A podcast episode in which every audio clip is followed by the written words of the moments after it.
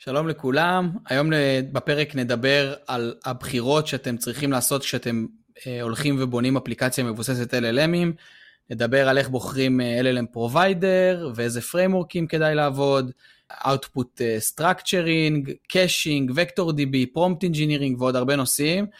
זה פרק שלא מומלץ לשמוע בנהיגה, כי אני חושב שאנחנו מדברים על הרבה דברים יחסית מהר, אולי תרצו לכתוב לכם uh, כזה notes, אז אה, יאללה בואו נתחיל.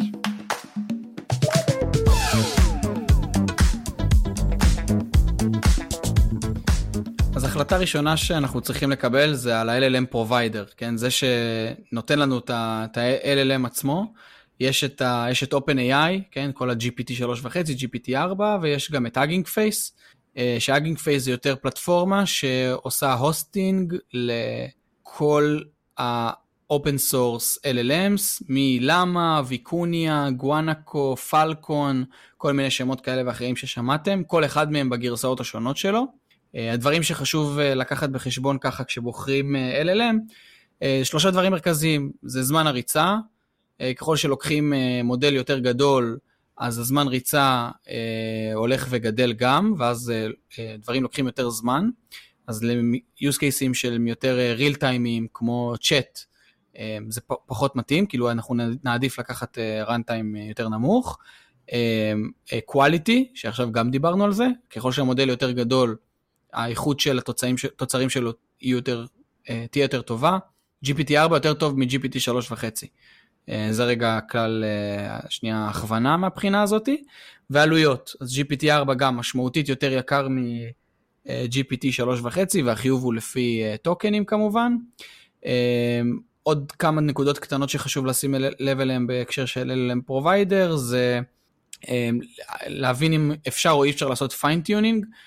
לאורך הדרך כשתגיעו לתקרת זכוכית עם הביצועים של LLM יכול להיות שתרצו לעשות את זה ו... שווה שכבר אה, אפשר יהיה לעשות את זה מלכתחילה. אה, עוד נקודה זה ה-context window, אז יש מודלים כמו למשל קלוד, שנותנים context window ענק של 100 אלף טוקנים, לעומת GPT 4 שנותן 8,000 ו-GPT 3.5 שנותן, תלוי בגרסה שלו, אבל יכול לתת עד 16 אלף טוקנים. שתי, כמה מקומות ב Hugging Face ששווה לכם להסתכל עליהם, אה, גם בשביל לעזור לכם לקבל את ההחלטה. יש את Chatbot Arena, שזה space ב Hugging Face, שפשוט אה, נותן לכם לשחק עם כל מיני chat אה, models ולהעריך אותם, יכול לתת להם אותו input ולראות את ה output-ים של שני מודלים שונים side by side. יש את Text Generation Web UI של מישהו ב GitHub שקוראים לו oobabooga, או אובה בוגה, משהו כזה. אה, שזה פשוט אה, איזשהו lightweight אה, UI שאתם גם יכולים לשחק, להוריד מודלים מהאינטרנט ולשחק איתם און פרם ולהעריך ביצועים. ועוד שני לידר זה Hugging Face LLM לידר שתוכלו לראות השוואות בין כל המודלים האופן סורסים ה-LLM, ו-MTEB, שזה אותו דבר רק ל-Embeddings מודל. אז רק בשביל לסדר קצת את ה... איך זה נכנס לתוך האפליקציה, אז אמנם אנחנו צריכים להחליט על אה, LLM Provider, זה לא חייב להיות אחד, כן? זאת אומרת, תחשבו על זה שהאפליקציה שלכם, אה, בסופו של דבר, אם אנחנו ממירים את, אה, את האפליקציה כמו שאנחנו מכירים מתוכנה רגילה, בסוף כל מיני חלקים פשוט יוחלפו ב-LLM, input output של LLM. עכשיו החלקים, החלקים האלה הם, לכל חלק יש את הדרישות שלו, למשל יש חלק שהוא דורש יותר reasoning, אז אה, תבחרו ב-GPT4 על פני GPT 3.5, יש חלק שאולי הוא מאוד אה, קריטי ועובר בו, הרבה פעמים עוברים, עובר בו ה data, אז אה, אולי שווה מבחינה להתחשב במחיר ולבחור ב-3.5 ולהתחשב במהירות, כי המהירות היא, היא מאוד משמעותית, ולבחור באיזשהו מודל יותר מהיר. אמ, יש לכם אולי חלקים שה reasoning והמהירות אה, חשובה ודברים כאלה, אולי אתם רוצים לשים שם איזה מודל open source fine tune שאתם עשיתם. אמ, אז שוב, אז כאילו תחשבו על החלקים שאתם מחליפים ותחשבו על הדרישות של כל חלק אה, וככה תעשו החלטה. עוד איזה נקודה קטנה למודלים שהם אה, בעצם close source, אז אתם יכולים כמובן ללכת ל-OpenAI, אבל אם חשוב לכם למשל security, אז אולי שווה לכם ללכת ל-Azure, או אם אתם יכולים כמובן לקבל קרדיטים זה תמיד טוב, אז אה, יש קרדיטים משמעותיים ש, שמייקרוסופט נותנים ל-Azure, ל-OpenAI models, ומהצד השני כמובן שיש את המלחמה של AWS שחברה לכל אה, החברות closed source כמו AI21, Anthropic אה, וכו', אה, והם בעצם נותנים גרסאות closed source על AWS עצמם. אחלה, אז הנקודה השנייה זה כמו שיש לנו LLM provider, יש לנו גם embedding provider. OpenAI נותנים את המודל embedding שלהם שנקרא ADA, אה, יש גם הרבה מודלי embeddings אחרים ב-Hugging Face, שוב יש את אה, MTEB leaderboard, תסתכלו עליו, תשוו בין דברים, גם פה חשוב לשים לב איזה data set ה embedding מודל הזה התאמן עליו, ולוודא שזה בדומיין שלכם, או שזה קרוב למשימה שאתם מנסים אה, לבצע, או שאתם מנסים לאנדקס, כדי להבטיח ביצועים הכי טובים, וגם פה יש שוב את המשולש הזה של אה, זמן ריצה מול אה, איכות של התוצרים אל מול העלויות. אז צריך למצוא פה גם את הנקודת אה, איזון שנכונה ל-use case שלכם. ושימו לב שפה גם בא יותר לידי ביטוי גם ב-LLM, אבל פה אפילו יותר, הנושא של אונליין מול offline indexing. אז הרבה פעמים ב-Embeddings מודל משתמשים בהם כדי לאנדקס את ה-Vector DB שלנו, ולפעמים גם משתמשים בו ב online כשה user שולח הודעה ואני רוצה להבין מה ה embeddings שלו ולהשוות את זה למה שיש לי כבר ב-DB. אז צריך לקחת את שני הדברים האלה בחשבון. כן. אמ, מבחינת framework, אז איזה framework הייתם רוצים להשתמש? זאת אומרת, כשאנחנו אומרים framework אז בעצם מה, מה ה-glue code או מה ה... library שתעשה אורכסטרציה לכל האפליקציה שלכם ול-LLM כמובן במרכז. אמ, אז לדוגמה LangChain אה, זה ספרייה אה, יחסית ידועה שדי מתרוממת בוא נגיד בתקופה האחרונה. אה, אנחנו מדברים עליה גם הרבה בפודקאסט ואנחנו חושבים שהיא שווה בוא נגיד לנסות לפחות לאמץ אותה. אבל יש ספריות אחרות כמו למשל Haystack שהן גם מאפשרות אה, בנייה של agentים אמ, ואיזשהו חיבור של pipelineים עם vector DB, עם query, אה, promptים, דברים כאלה. אה, וחוץ מזה יש ספריות שהן קצת יותר מנסות לתפוס איזו זווית של עזר יותר, אמ, כמו למשל LlamaIndex, שהיא מאוד טובה ב retrieve של דאטה, היא מתחברת ל-LangChain, זאת אומרת החיבור ל-LangChain הוא יחסית טבעי, והיא עושה, אה, יש לה הרבה adapterים אה, אחרים, שאפשר ללנגצ'יין אין, אה, אז זה מאוד תלוי מה ה-use case שלכם, וככה אתם תבינו אם אתם רוצים להשקיע את ה-learning curve הזה וללמוד את הספרייה ולהטמיע דברים כמו שצריך, או שזה סתם POC כאלה, דברים כאלה, ואפשר אולי ללכת על כיוונים של בכלל בלי ספרייה, זה גם אפשרות, כן.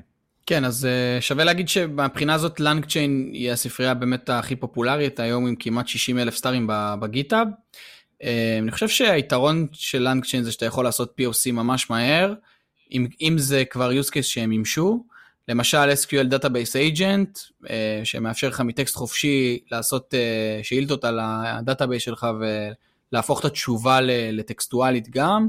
ממש בכמה שורות קוד אפשר כבר אה, להשיג את זה, ואז באמת ככל שרוצים דברים יותר קסטומים, אז אה, צריך אה, להכיר את הספרייה ולדעת לעבוד איתה, ויש פה איזושהי עקומת למידה. עוד דבר שיש ב-LangChain זה למשל את כל הנושא של pluginים ואינטגרציות אליהם, כמו SERP, שזה חיפוש בגוגל, או Wolfram Alpha, או REPL, שזה הרצת קוד Python, וכל מיני דברים כאלה ואחרים, שאפשר פשוט להשתמש בהם, בהם כ tools יחסית אה, גנריים ופופולריים ל agentים שלכם. אה, ועוד דבר זה כל הנושא של structured output. אז יש בלנגצ'יין אה, חלק מהפריימורק זה output פרסרים. אה, אז מתי צריך את זה? נגיד אה, כשאתם עובדים עם אייג'נטים, אז הרבה פעמים לאייג'נט אה, יש איזשהו תהליך מחשבתי, כן? נגיד chain of thought, זה הסוג אייג'נט שבחרתם, ועכשיו הוא אמור להוציא את האוטפוט שלו בצורה שהיא יחסית structured, למשל ב-chain of thought הוא צריך להוציא action ואת ה-action input, כלומר מה האקשן שהוא בוחר לעשות, באיזה פונקציה הוא בוחר להשתמש, ומה ה input לאותה פונקציה, ולפעמים הוא טועה, לפעמים הוא פשוט לא עושה את זה, או מדלג על אחד מהם, או שוכח, או כל מיני, אתם יודעים, אה, בעיות אה, כאלה ואחרות של LLMים. אז Output Parser בדיוק בא להציל אתכם מזה, הוא גם מזהה את זה וגם יש לו כל מיני מנגנוני retry שעוזרים לכם לתקן את. אה, בהקשר הזה יש עוד שני כלים שאני אמליץ עליהם בהקשרים של Output פרסרים. אחד זה OpenAI Functions, שמניסיון שלי הוא פשוט עובד מעולה. אני ממש ממליץ להשתמש בו לכל uh, Structured Output. Uh, זה בגדול JSON סכמה שאתם מספקים ל-API של OpenAI, וה-LLM כאילו יודע לציית לאותו, uh, לאותה סכמה. עכשיו, רק ב side note אני חשוב להגיד, הוא לא מציית ב-100% מהמקרים, אבל בוא נגיד זה מעלה לו את הדיוק ב, אה, באופן משמעותי, אז עדיין אני חושב ששווה לשים אה, output parser אה, לצידו.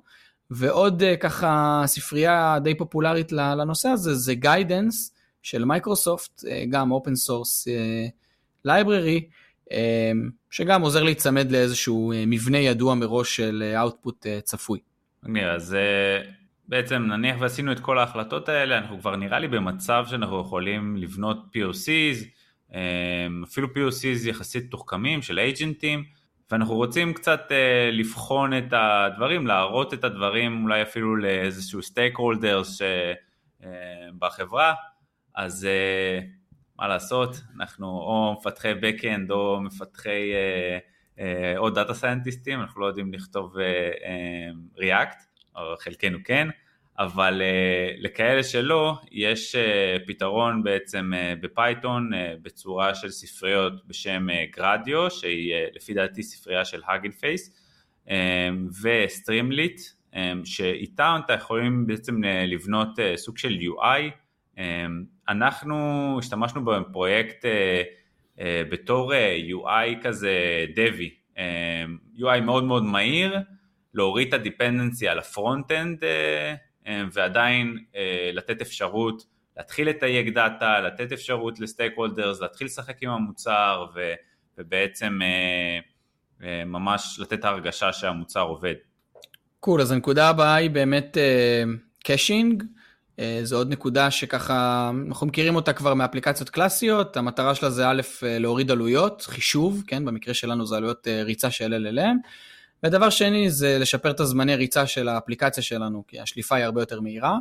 אז uh, יש ב Redis קודם כל פיצ'ר אה, של, uh, קודם כל Redis בתור caching רגיל, וגם יש שם איזשהו פיצ'ר חדש, שהאמת לא יצא לי לנסות, אבל הוא, הוא קיים, uh, של סמנטי caching.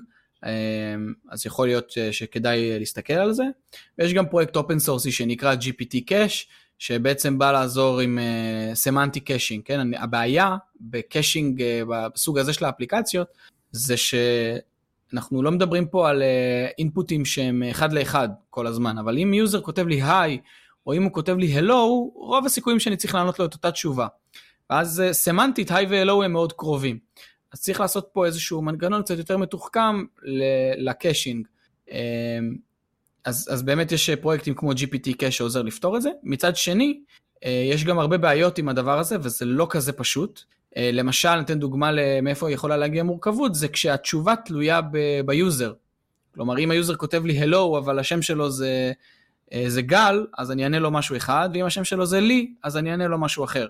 או אם יש לי metadata על אותו user, מאיזה ארגון הוא נמצא, באיזה אזור בעולם הוא נמצא, יכול להיות שזה ישנה לי את ה caching, שוב זה, זה לא דברים שאי אפשר לפתור, אבל זה דברים שצריך לקחת אותם בחשבון. אמ, וגם יכול להיות שהתשובה שאנחנו נשמור היא תהיה, כאילו צריך לעדכן אותה מדי פעם בהתאם לכל מיני אה, לוגיקות, אז זה גם דברים שנלקחים, אה, שוב, כמו בכל מנוע caching, אה, נלקחים כחלק מהסיפור. כן, בכללי, caching סמנטי הוא קצת מפחיד אותי ב-use case הזה של צ'אט. Uh, כנראה שהוא טוב ב-use cases אחרים מאוד, אבל ב-use case הזה זה מאוד מאוד תלוי ה similarity model שאתה בוחר, ופשוט כאילו, יש מודלים שאומרים אה, זה similar לזה, אבל למה? כאילו, למה זה דומה? אה, זה מדברים על אותו נושא, אבל יכול להיות שזה מדבר על זה בצורה סמנט, סמנ... כאילו, זה מדבר על זה נגטיבית וזה מדבר על זה פוזיטיבית, אבל זה עדיין אותו נושא, אז, אה, אז אני צריך להחזיר תשובות אחרות לגמרי, כן. אמ, אז, אז קחו את זה בחשבון, תסתכלו האם זה באמת מתאים ל-use case שלכם, זה מאוד, אה, יש לך איזה רצון כזה לחסוך בקריאות ל-GPT, אה, כי גם הן עולות כסף וגם מהירות, אז יש לך איזה רצון כזה אה, לעשות אופטימיזציה, אבל אה, צריך לקחת את זה ב grain of salt. אז הנושא הבא אולי ששווה לגעת בו זה כל העניין של vector DB, זה גם מתקשר לנו לכל העניין של ה caching, כי אנחנו צריכים להבין האם יש לנו משהו ב cache שדומה, ומה זה אומר דומה, אז יש לנו איזשהו וקטור, רפרזנטציה, אה, ואנחנו בעצם רוצים להבין האם ה query שאנחנו מסתכלים עליו הוא דומה לאיזשהו אייטם אה, שכבר יש לנו ב cache. אה, אבל ל vector DB כמובן יש עוד use cases שאנחנו, יש לנו המון דאטה, המון documents ואנחנו רוצים להבין האם יש לנו איזה documents שמתאים ל query מסוים, אז אנחנו מאנדקסים את זה כמובן, שמים את זה ב database. אז פה יש לכם פרוביידרים המון פרוביידרים, והניואנסים הם, הם בוא נגיד דקים, אמ, אז דבר ראשון שאתם רוצים להבין, האם אתם רוצים managed service או לא managed service. אם אתם רוצים managed service, אז יש, יש לנו את Pinecone הישראלית, שעושה עבודה די טובה, וכמובן יש את Elastic Search, שהם אה, די טובים, גם נותנים out of the box אה, אה, keyword search לטקסט שלכם, זה, זה היה ה-use case שלהם אה, מתחילת הדרך, שהם בעצם נותנים איזה מנוע חיפוש טקסטואלי מאוד מאוד טוב, out of the box, והם הוסיפו עכשיו פיצ'ר של וקטור, אז uh, אתה יכול גם לאחסן את הוקטורס ובעצם לשלב, לעשות query משולב כזה של uh, keyword search פלוס vector search ולעשות איזשהו uh, שילוב כזה. Um, אם אתם רוצים ללכת על uh, open source אז כמובן יש לכם כל מיני uh, אה, החלטות שאתם צריכים לעשות, למשל מה, מה כבר יש לכם ב stack, אם למשל יש לכם Postgres uh, אז uh, אולי שווה לכם לחשוב על quick wins עם PG Vector כי זה איזשהו מין שכבה כזאת שמתלבשת על, ה, על ה SQL שלכם, על ה database שכבר יש לכם ונותנת את הפונקציונליות של Vector Search. um, אז צריכים לחשוב על דברים כאלה, על מחיר um, ועל דברים קצת יותר טכניים אם נכנסים לעומק כמו איזה query mechanism אני יכול uh, לעשות, האם זה, מה, מה הדיוק של, ה, של הדברים, בגלל שהרבה מהמנועים האלה עובדים על approximate, approximate nearest neighbors, um, אז יש כל מיני אלגוריתם כאלה ואחרים ששווה um, לקחת בחשבון. נראה לי זה גם ההזדמנות uh, ככה להגיד uh, שיש לנו פרק ייעודי רק על vector databases, אז שווה, מי שזה מעניין אותו, הנקודה הזאת, פשוט יש הרבה מאוד על מה לדבר פה. אה, שווה ללכת לשמוע את הפרק. אה, אה, ניגע עכשיו קצת בכל הנושא של prompt engineering, prompt management, אז נחלק אותה באמת לשתי הקבוצות האלה. אז prompt engineering זה בעצם, לצורך העניין, זה כלים שיעזרו לנו לכתוב את הפרומפט הנכון. אני באופן אישי לא חסיד של, של המונח הזה prompt engineering, כי בעיניי זה עולם מאוד מאוד מצומצם ומאוד רזה, אין שם יותר מדי מה לעשות. אם כבר כן אני אכוון פה לשני resources אה, שיכולים לעזור זה, אה, יש המון המון מדריכים ברחבי האינטרנט על איך לעשות prompting נכון. אה, שני הדברים שאני כן אגיד זה אחד, learnprompting.org, פשוט, לא יודע, אני אהבתי אותו, זה כזה כל מיני מדריכים יחסית פשוטים לפי קונספטים שמעניין אתכם, אם זה security, אם זה structuring, כל מיני כאלה. או PromptPerfect, שגם נותנים איזשהו service כזה יש להם שירות שנקרא prompt as a service, שעוזרים לך ליצור את, הפרומפט האידיאלי למשימה שלך. אה, והדבר השני בהיבט של prompt engineering שאני מאוד ממליץ עליו, זה להסתכל על, זה בעיקר ל open source model, להסתכל על הפרומפטים שהשתמשו בהם בשלב האימון. הרבה פעמים כשמאמנים למשל מודלים, למשל את Falcon או מודלים אחרים, היה איזשהו structure שהשתמשו בו כשעשו את האימון הזה, את האימון על צ'אט למשל. למשל, כתבו כל פעם אה, Human נקודותיים ו-AI נקודותיים. ואם עכשיו אנחנו בפרומפט שלנו נכתוב, uh, uh, במקום Human נרשום User נקודותיים, ובמקום AI נרשום Assistant נקודותיים, זה עלול לפגוע בביצועים. לא, כנראה לא דרמטית, אבל זה בדיוק הדברים המינוריים ש, שיכולים לעשות את ההבדל.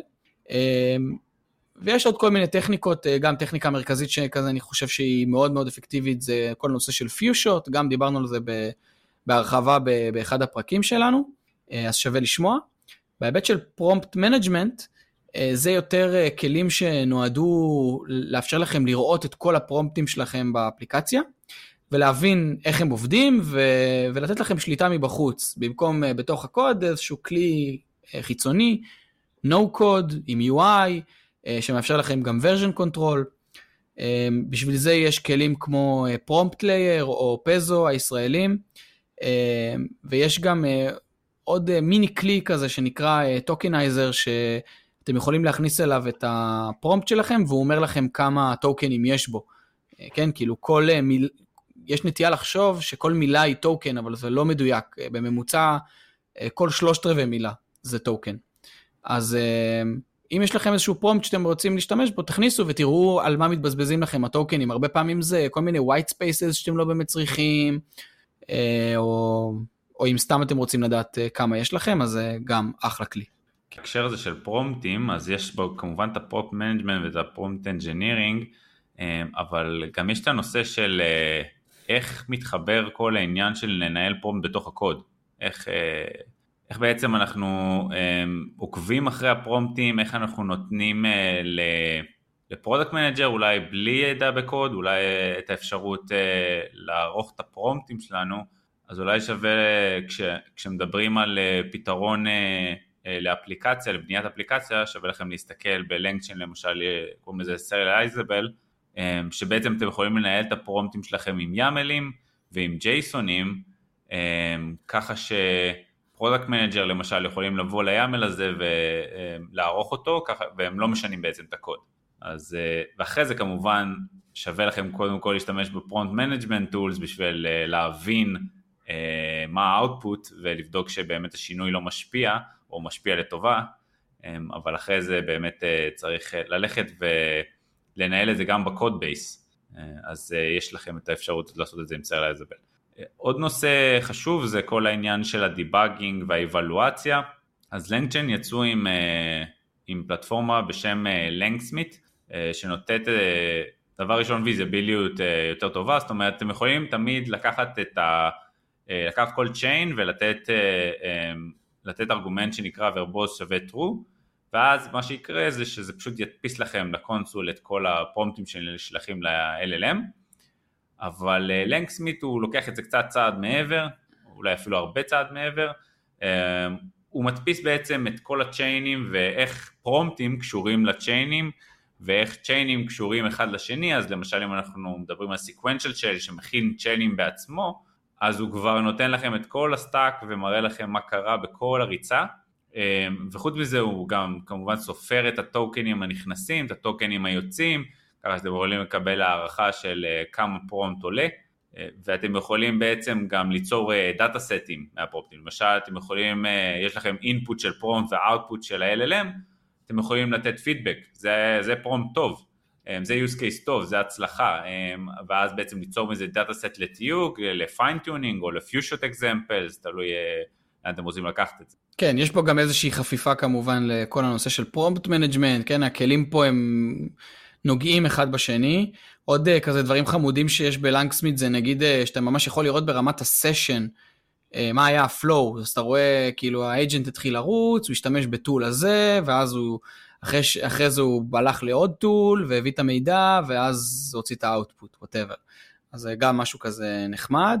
אה, וכל הנושא של אבלואציה, שהיום יש אה, כל מיני אה, out of the box evaluators של אנקסמית מציעים, וגם אפשר לבנות evaluators קסטומיים, לדאטה שהוא unstructured, כן? להאם ההודעה של, שכשיוזר כתב לי היי ועניתי לו היי, nice to meet you, how can I help you today, האם זאת הודעה מספיק טובה או לא?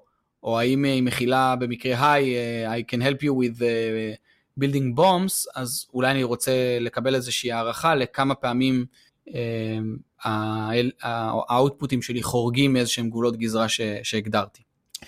אז נקודה אחרונה אה, זה נושא של serving ו hosting. אולי לפני זה שווה רגע להפריד. יש hosting של האפליקציה עצמה, אה, ויש hosting של ה-LLM. אז ה hosting של האפליקציה הוא די straight forward, זה שרת יחסית פשוט, אה, אם עובדים עם LangChain אה, אז גם להפוך את כל החלקים אה, שהם צווארי בקבוק, שזה לרוב הריצה של ה-LLM, להפוך אותם לאסינכרונים זה יחסית פשוט, ואז גם אם יש לנו scale, בדרך כלל השרת הזה יכול לעמוד בו.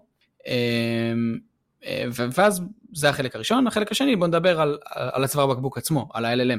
אז כשעובדים עם OpenAI מקבלים API סבבה, אני אפילו לא אגיד מצוין, כי גם הוא לפעמים נופל, ולפעמים המהירויות שלו מאוד מאוד משתנות, כן? אני באופן אישי חווה לפעמים שימוש ב-API אה, בבוקר בזמני ריצה X, ובערב בזמני ריצה 5X, ואפילו לפעמים 10X.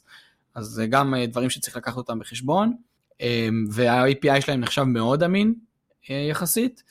כשעובדים עם Hugging Face אז גם הם מציעים Inference Endpoints, שהם עושים בעצם hosting למודל אצלם, מציעים גם כל מיני אינטגרציות, אז אתם יכולים לקבל את זה דרך SageMaker, את ה hosting, וזה מאפשר לכם בעצם גם לבחור את החומרה, כן? כשאתם עושים hosting, אתם, יש לכם פה עוד בחירה שאתם צריכים לקבל, האם אני רץ על CPU או על GPU, כן? כמובן עלות ו- ו- ומהירות של הדברים, האיכות לא משתנה כי המודל עצמו הוא אותו מודל, וכשאני בוחר אה, GPU, אז גם איזה GPU, כן? אני יכול לקחת טירים שונים של GPUים, אה, לרוב לוקחים GPU יותר גדול עם יותר זיכרון, כשהמודל עצמו יותר גדול, ולא כשרוצים להאיץ את התהליך, לרוב. אמ, אז אלה עיקר הדברים, יש הוסטינג, אה, אה, כמו שאתם עושים ב-OpenAI, אפשר לעשות אותו גם באז'ור, כמו שגל ציין בהתחלה, בעיקר משיקולי קרדיטים ו compliance. יש גם שירות של AWS שנקרא Bedrock, שהוא גם אה, נותן לכם hosting דומה למה ש Hugging Face מציעים. ומה שאתם צריכים לחשוב עליו פה זה בעצם על השיקולי compliance ו privacy שיש לכם, ה-reliability שאתם מצפים מה-API שלכם. אם אתם, יש לכם דרישה ל-on prem שמגיעה מ legal, או מאיך שהארגון שלכם עובד, או מסוג הדאטה שאתם יודעים, אז אה, גם זה דברים שצריך לקחת אותם בחשבון, נגיד OpenAI לא, לא מציעים דבר כזה. יש עוד איזה משהו חמוד בקטע הזה של, אה, של. אה, לא, לא יודע אם לקרוא לזה serving, אבל זה inference, שנקרא, זה חברה בשם, זה חברת מחקר בשם Bloom.